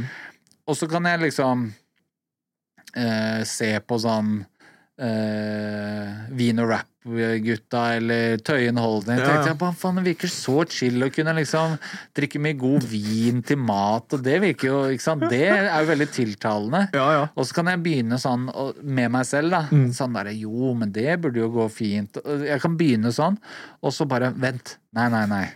Nei, nei, nei. Den her Her har jeg vært før. Jeg veit at et glass vin før jeg veit ordet av det, så er det Så er plutselig en flaske. Ja, og da er vi utfor igjen. Ja, ja. Eh, og det er som du sier, da, at det er jo, det er jo min form for Mm. Altså, eller det er jo mer det at fordi jeg har så dårlig selvdisiplin med det, Mm. så er min dis selvdisiplin å bare Nei, det går jo. ikke. Men det er jo det disiplin Ja. handler om. Ja. Det handler om å vite svakhetene sine. Altså, vi har jo alle svakheter, for faen. Altså, det er ingen mennesker på denne jorda som bare Jeg klarer alt. Overhodet ingen. Ja.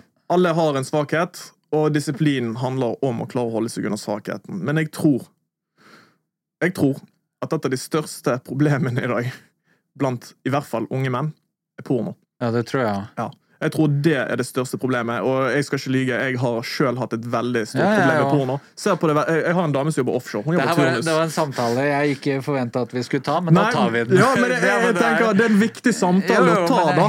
jeg. For jeg tror det skaper en form for eh, Jeg tror det skaper en, en falsk Det skaper en falsk identitet av hvordan seksualitet og sexlivet og damer generelt fungerer. Jeg så faktisk et intervju med Adam Messari hvor han satte, okay. han satte ord på det, fordi han sa, han sa at er det så rart i at gutter hele tiden tror at damer vil ha dem, og at de kan få hvem som helst, når de daglig sitter og ser på videoer av menn som ligger med resepsjonisten, stedatter, pizzabud Ja, ja. Altså Poolboy. sånn, Jo, men du Ja, bare hjernevasker Ja, ja. deg med at i pornoverden Ja, ja. så får du ligge med hvem som helst, og så går du ut i den ekte verden, og så blir det en eller annen sånn dissonans. Er det ikke sånn? Ja, jeg, tror, jeg tror porno er livsfarlig, og jeg tror det er en av de største største folkefiendeproblemene vi har der ute i dag. Altså. Det, det, det tar så jævlig mye tid.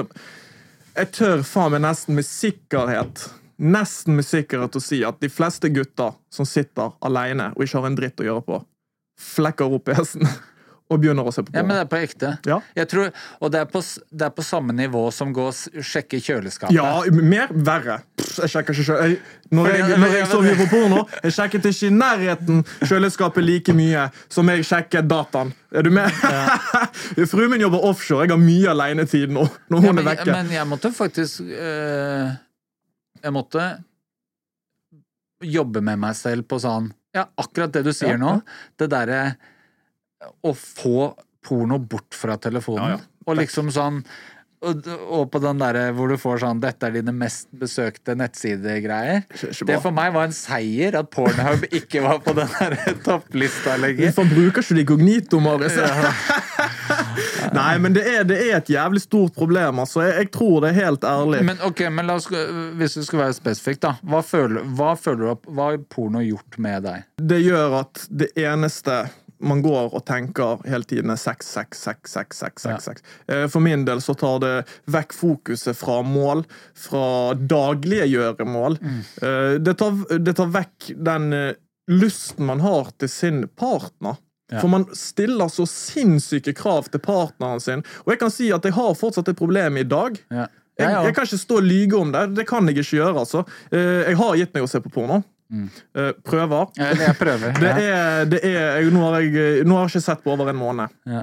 Og jeg ser at jeg, Jo, men jeg blir Jeg kjenner meg så jævlig igjen ja, men Man blir så jævlig mye mer produktiv, Marius. Og, og så får man en helt annen ro med seg sjøl. Sånn bare nå denne måneden her, så begynner jeg å kjenne at sexlysten er ikke like stor. Jeg har jo fortsatt sexlyst. Jeg har jo lyst til å ha sex. Men, men jeg må bare jeg må avbryte, fordi tilbake til det vi sa i stad. Den derre med hva jeg tenker om andre menn. Og det her også kommer inn i bildet her, fordi når jeg møter menn som forteller at de onanerer uten porno, så blir det for meg Hæ? Ligger du bare i et rom og tar på deg selv?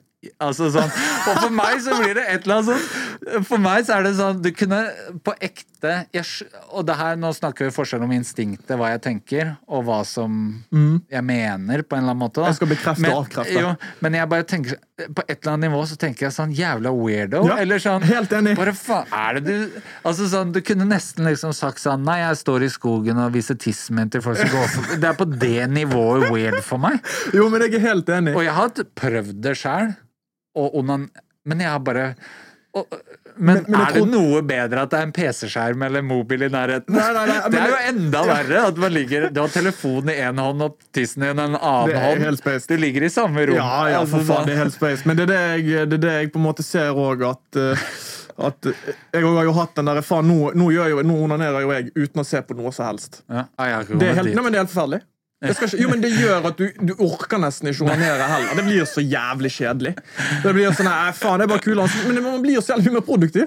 Man gjør så mye mer sånn Istedenfor noe, istedenfor å nappe løken, da, så blir det sånn For faen, jeg leser heller en bok. Prøver å bli litt smartere. Da så sitter man og leser en liten halvtime time istedenfor at du bruker timen din på noe helt jævlig unødvendig piss. Altså, jeg fikk jo barn da jeg var 17, Mm. og hun Hun sa det til meg da. Mm. Marius, du er avhengig Ja. av det greiene her. Det er helt Og det var på den tiden. Det fantes ikke noe porno. Du måtte laste det ned. Ja, det, var liksom, ja, ja. Det var en prosess, liksom. Også, sånn, apropos ta tid av dagen. Ja, ja. Det var liksom Da tok vi i hvert fall tid den dagen. Men jeg tror man har et like stort problem i dag, for nå i dag sitter man og scroller seg i hjel. Jeg tipper at, også, at det er én ting at problemet med porno, men man sitter jo òg gjerne og bruker, bruker lengre tid på å å finne. finne. Du finner jo heller ikke du er ferdig du før du har funnet den jævla videoen. Ja. Så det er jo helt forferdelig. Det er sant. For meg har porno vært så stor del av livet. Jeg og dama var på AVN Awards i Las Vegas. Det er jo lættis uansett, da. Ja, ja. Men altså sånn Jeg kunne navnet på altså, vi er på convention. Jeg kunne navnet høyre og venstre. Jeg visste hvem alle var, liksom. Ja, jeg, har, sånn- jeg har signert Asa Akira-bok. sånn Hvor er den boken? Nei, men altså, og for meg Det er, det er jævlig lættis historie, da, men at jeg traff jo Nå husker jeg plutselig ikke hva hun heter. Jeg, på den, på den porn convention så Nina Hartley. Jeg traff Nina Hartley, og hu, den første pornofilmen jeg så, var med Nina Hartley. Samme, bro. Og jeg, og jeg traff Altså, det var så sjukt Ja, men det var så sjukt møte. Ja, men sånn, jeg, ikke sant, står i kø. Jeg og dama står i kø, og så kommer vi fram, og jeg står foran henne, da. Og så tenkte jeg bare Hva skal jeg si nå? Altså sånn Og jeg skjønner at de er vant til det. Ja, ja. Det er jo det de hører hele tiden. Fy faen, jeg så deg gjøre det og det med deg selv i går. Eller sånn, det er jo Og jeg har skjønt at det er det de foretrekker å høre, istedenfor at man blir rar. ja, ja. Men jeg bare Ja, da bare Ja, første gang jeg onanerte var til Eller sånn. Og jeg bare sånn Men det var bare sånn jævlig ut av deg sjæl-opplevelse. Ja, men det, det blir jo Tidenes digresjon, da. men, ja, ja, det, eh, det er jo en kjendis, men også er det en eh, tabukjendis. Ja. Går det an å si det? Ja, det var bare helt, men det var bare Ja, Å bare være der var sånn episenter av hvor crazy verden er. Mm. Fordi det, det bare du er på Det er titusentalls mennesker Og bare det der med ja. AVN Awards. At det går Noen vinner Best Gangbang of the Year, og så Mm. går de opp og takker mamma og pappa og Gud. Ja, ja. Og så helt sykt. Ja. sånn der, eh, takk Gud uh, for at jeg fikk eh, ten dicks in me last night. det var steinsykt. jeg har brukt veldig mye tid på å forsvare det, eller vært sånn Nei, nei, det er ikke sånn Mm. i det hele tatt. Men jeg har jo liksom Har jo 100% kommet til det punktet i livet hvor jeg innser at veldig mye av mine problemer i forhold til å bli tent, i forhold til å Mm. få ereksjon, eller eh, i forhold til hvordan jeg tenker på kvinner. Apropos de der samme, de der toxic uh, masculinity-greiene, så har jeg det samme i forhold til Og jeg tror også det er grunnen til at veldig mange menn misforstår en situasjon i en arbeidssetting. Ja, jeg og jeg har gjort mye av det sjøl. Okay. Gått over streken eller misforstått en relasjon fordi man har den der litt den porno-mindsetet. Ja, for det der igjen går ja, men det denne situasjonen om- ja, ja. har jeg sett på video, Ja, og den fører sant? til noe. Hva mener du? Eller sånn Men det er jo det vi snakket om igjen i sted, at vi, vi blir påvirket uansett om vi vil eller ei. ja. Det er, det, er, det er jævla skummelt, altså, og og det påvirker oss på en Altså, det, det er jo en grunn til at pornoindustrien er en av de største, mest betalte industriene i verden. Og faktisk den mest innovative industrien. Ja. At alt fra DVD til eh, sånn eh, 3D Ja, det er helt sykt. Altså veldig mye teknologiske framskritt Ja. kommer av at pornoindustrien lagde det, og så har andre brukt det. Ja, det er helt sykt. Men altså, det er jo en ting man ser om igjen og om igjen. og om igjen, om igjen. Sex selger jo. Ja. Sex selger som faen. Ja. Og det er jævla skummelt. Hadde jeg vært i USA, så tror jeg liksom Jeg tror jeg hadde kjørt den derre Onlyfans-stien bare for noen år siden. Jeg, eller, men, ja, liksom, fordi jeg er inspirert av No Jumper, og det er liksom en greie der, da. Okay. Så har jeg liksom tatt meg selv og tenkt sånn Hadde jeg gjort det her? Nei, jeg kan ikke gjøre det. Ja, men i Norge går det ikke. Hadde jeg vært i USA, ja, hadde jeg kanskje gjort det. Og så er det helt fucka å tenke det Ja, også, ja, ja, ja, ja. Men det er jo Det Onlyfans-greiene har jo eksplodert helt. Ja. Altså, det er så jævlig mange som holder på med det. Men det er én ting Det er én ting jeg har Jeg sitter så et jævla spørsmålstegn enda på det. Hvem er alle disse mennene som betaler for det? Det tror jeg er jævlig mange. Ja, men det, Selvfølgelig er det det, for det er jo åpenbart så mye penger. Men Eller jeg skal ikke lyve, jeg har betalt for noen Onlyfans når det har vært noen sånn dritkjente folk som bare ja, ja, ok, men greit. Dette Ja. er jeg gira på å se, men, liksom. ja, ok, greit. Jeg kan forstå det. Jeg har aldri brukt en krone på porno. Nei. Ikke én krone. Jeg har aldri skjønt liksom eh, tankegangen når det er så mye gratis ute. Men eh, det gir jo mening når du Altså, forklarer altså, det er på den gammel, altså jeg kommer fra VHS og blader, liksom. Så jeg Nei, da, skal men jeg, for, jeg, forstår, jeg forstår det hvis det kommer til den at ok, greit, her er en Onlyfans, og det er en eh, Jeg har Men lyst til til å se bla, bla, ok, whatever. spørsmål, da. Er det, vil du tro at det er bedre uh, å abonnere på en dame som veit hva hun gjør, og det er et sunt Eller er det like skadelig som Er det et godt alternativ? Nei, det er jævlig vanskelig å si. Altså, jeg Nå er jo jeg åpenbart i et forhold, ikke sant? Ja. Og jeg ser jo på det da, at hvis jeg hadde abonnert, så ville jeg sett på det som utroskap. Hvorfor det? Hun damen eksisterer jo et eller annet sted. Altså Det er en ting med en pornostjerne sant, som faktisk jobber med det for betalt, men en Onlyfans er jo en Instagram-kjerring. Ja. Hvor som helst. En Instagram-dame som holder på, og så plutselig skal hun begynne å selge bilder av musen sin på, på Onlyfans. Og jeg mener jo det at det ville vært helt feil overfor partneren min. Og jeg synes det hadde vært respektløst overfor partneren min hvis jeg skulle betalt penger for å se på andre damer som man i teorien har tilgang til. da. Ja, men det er, ja, men det er interessant. Jeg har ikke noe svar på Nei da, i det er jo bare, altså, er det noe fasit på disse tingene? Det vet jeg ikke. Altså, jeg tror at alt, all, Denne Eller- samtalen skulle altså, Hvis du, du har en partner, du, så, den som ser dette, hvis den er en partner, så må man på en måte en samtale man må ta med hverandre. da. Ja. Men jeg tror ikke det er så mange som snakker om disse tingene. Nei.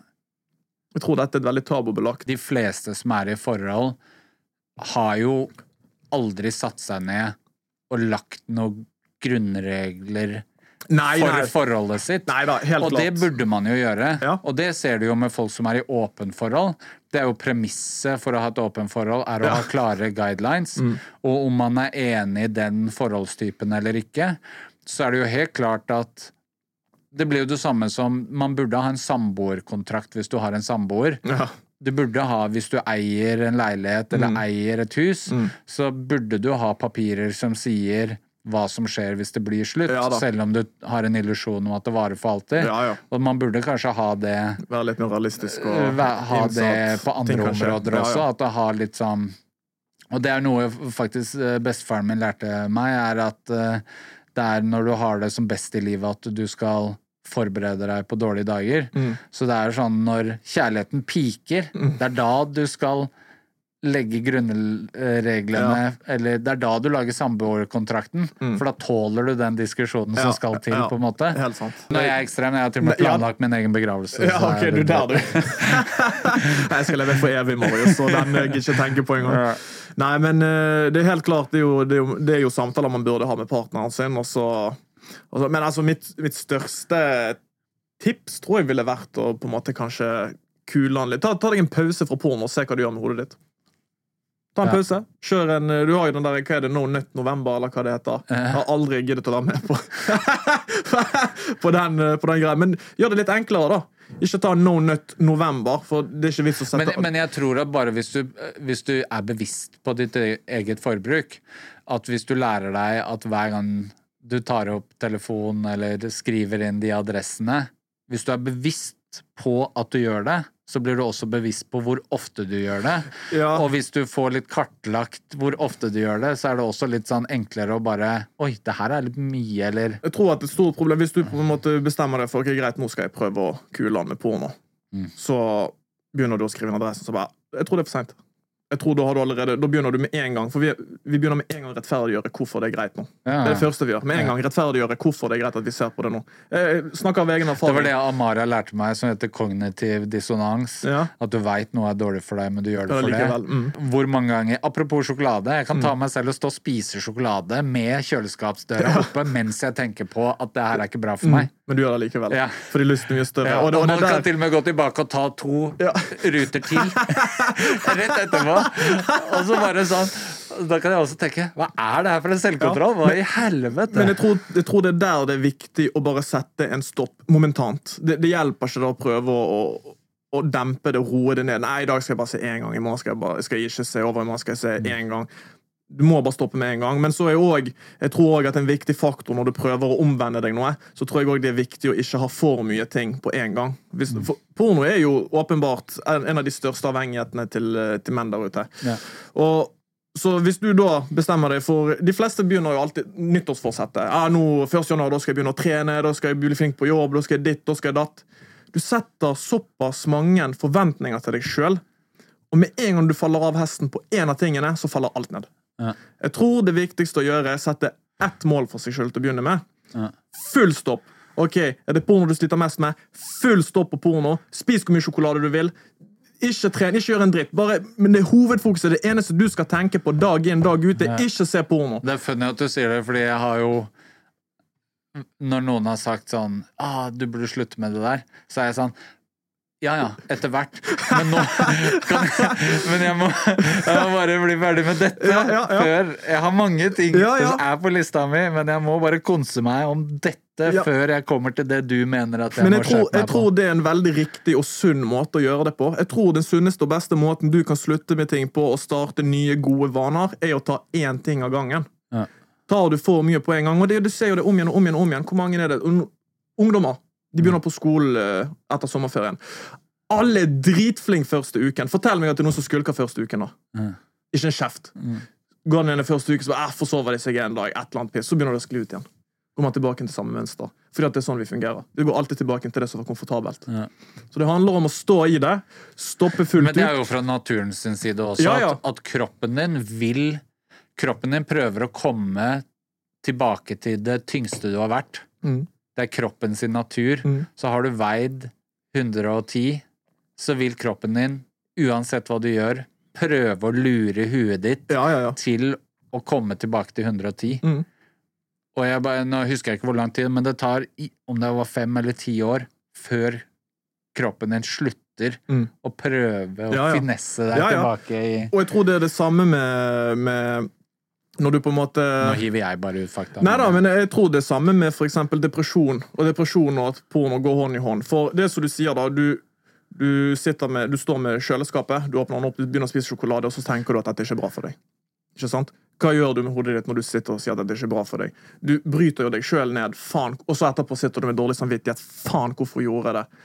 Og du setter deg sjøl i et dårlig mønster. Og jeg tror òg at veldig mange der ute har faktisk lyst til å slutte med porno. Jeg tror, jeg tror veldig mange du, har lyst. men da kan du ta den derre klassiske Man har sett på porno, man har onanert, og idet du er ferdig, så, øh, så Ja. Og så gjør man sånn Stenger man. Mac-en og bare ah, Hva er det jeg holder på med? Så jævlig fucka det her. Eller sånn den derre Stå på badet, Ja.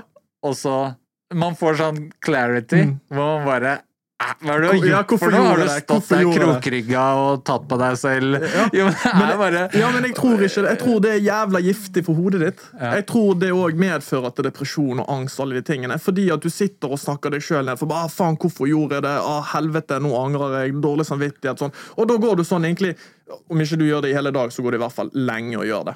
Og hvis noen sier noe annet, det er piss. Hvis du vet du har gjort noe som ikke var bra for deg, så går du og tenker på det ganske ofte. Så derfor tror jeg at det er veldig viktig å ta én ting av gangen.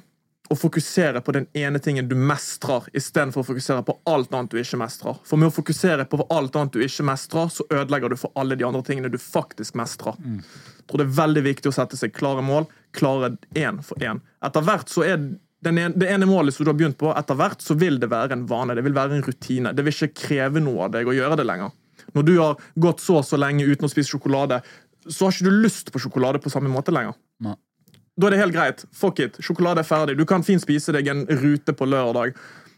Og så tenk, tenker ikke du mer over det de neste fire ukene. Ja. Men først og fremst tror jeg det er veldig viktig å sette seg sjøl en klar strek, stoppe helt opp til du avvenner kroppen helt fra det, og så begynne på neste.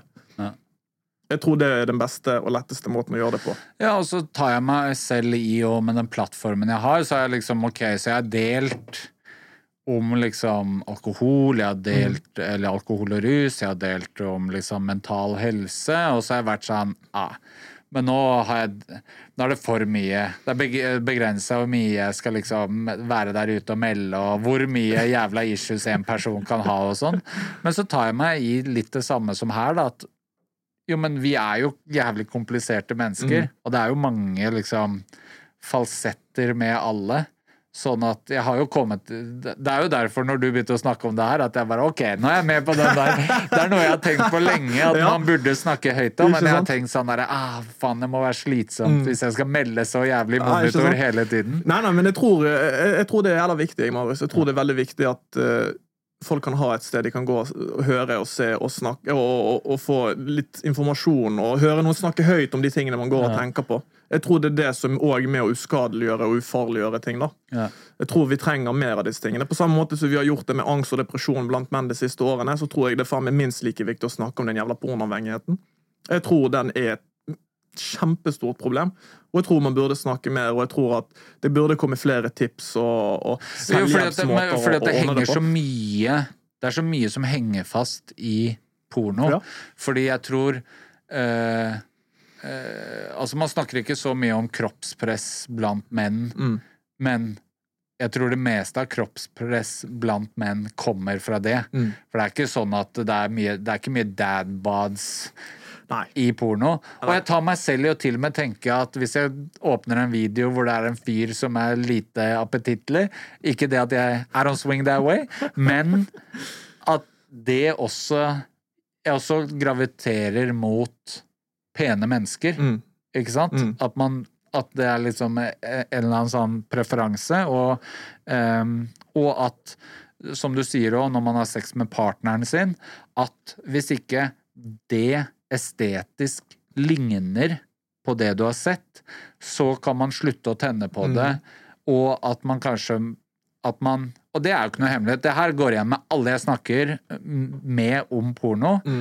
Ehm, det er at når du liksom ser, konsumerer porno, så blir du apper det hele tiden. Du må hele tiden ha litt grovere, litt Ja, ja. drøyere, eller at man, og man kan til og med skli ut i sånn at man begynner å like litt sånn weirde greier etter Ja, ja, fordi absolutt. du bare må ha et Du må ha litt den Men jeg, tror, men jeg tror de hadde en forskning på akkurat det. da. Det, det er jo en grunn til at det finnes så mye syk porno som det gjør. Det finnes masse rare greier. Du trenger ikke grave Du trenger ikke grave Nei. for å finne det. I det hele tatt. Det er bare å åpne opp en Kan vi pornoside, så finner du rare ting. Kan vi bare begynne med at det faktumet at det er De fleste pornofilmer på Pornhub er sånn stepdad, sister Ja, ja.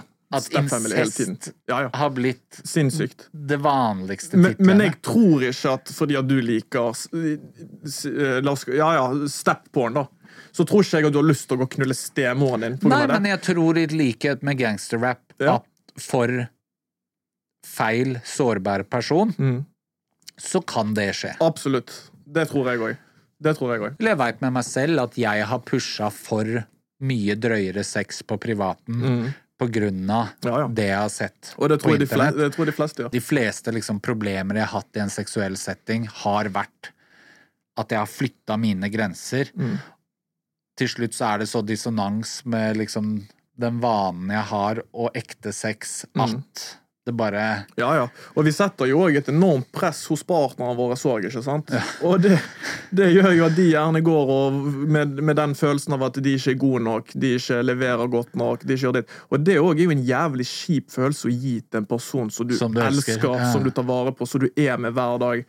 Det er jo jævla kjipt at den personen skal gå rundt og tenke hele tiden ikke Tenk hvis hun skulle kommet og klaget at faen så fort du kommer hele tiden. Da faen altså, Kanskje du holder ut lenger. Kanskje du holder ut lenger, kanskje du gjør ditt, kanskje du gjør datt. Hvorfor går ikke du og trener? Hvorfor har ikke du sixpack? Hvorfor har ikke du svære skuldre? Tenk hvis du skal gå til å bli pirket på hele tiden av partneren. Det, det må jo føles på samme måte for Ja. partneren din når hun føler at du ikke syns det er godt nok, eh, det hun gjør for deg. da. Tror det er jeg tror, som sagt, jeg tror dette er et tema som trenger å snakkes mye mer om, og jeg tror at uh, flere burde bli mer komfortable å snakke om det. Jeg tror vi rapper det opp der. Jeg tror det er perfekt avslutning. Jeg hadde helt andre ting jeg hadde planer om å snakke om, men jeg er bare egentlig er jævlig fornøyd med hvor vi, hvor vi endte opp hen. Ja. Eh, så hvis du vil ha en del to med Perrin, så må du melde det, fordi vi, det er helt klart vi har masse Ja, ja, ja. mer å snakke om. Uten uten tvil. Og gjerne del hva dere tenker om dette temaet, for det er jeg jo på ekte interessert i. Det her er det som er farlig med meg, da, at når jeg får oppheng i uh, Du kan ofte se det i mine intervjuer, det tror jeg Martine legger spesielt merke til, at jeg har oppheng i ett tema. Så det her kommer nok til å gjøre at jeg kommer til å snakke om porno Jo. i sånn fem andre intervjuer som kommer til å se. Og så kanskje en av de intervjuene kommer før dette, så folk bare Hva faen Ja, ja. skjedde der? Nei, men det er jo, det er jo som sagt, det er et viktig tema å snakke om, og det er jo interessant òg. Folk har jo forskjellige synspunkter på det, og det er jo bare interessant å høre Ja. alle, altså, forskjellige mennesker sine synspunkter på ting. Absolutt. Takk for praten. Takk for praten, G. Heit gateflamme.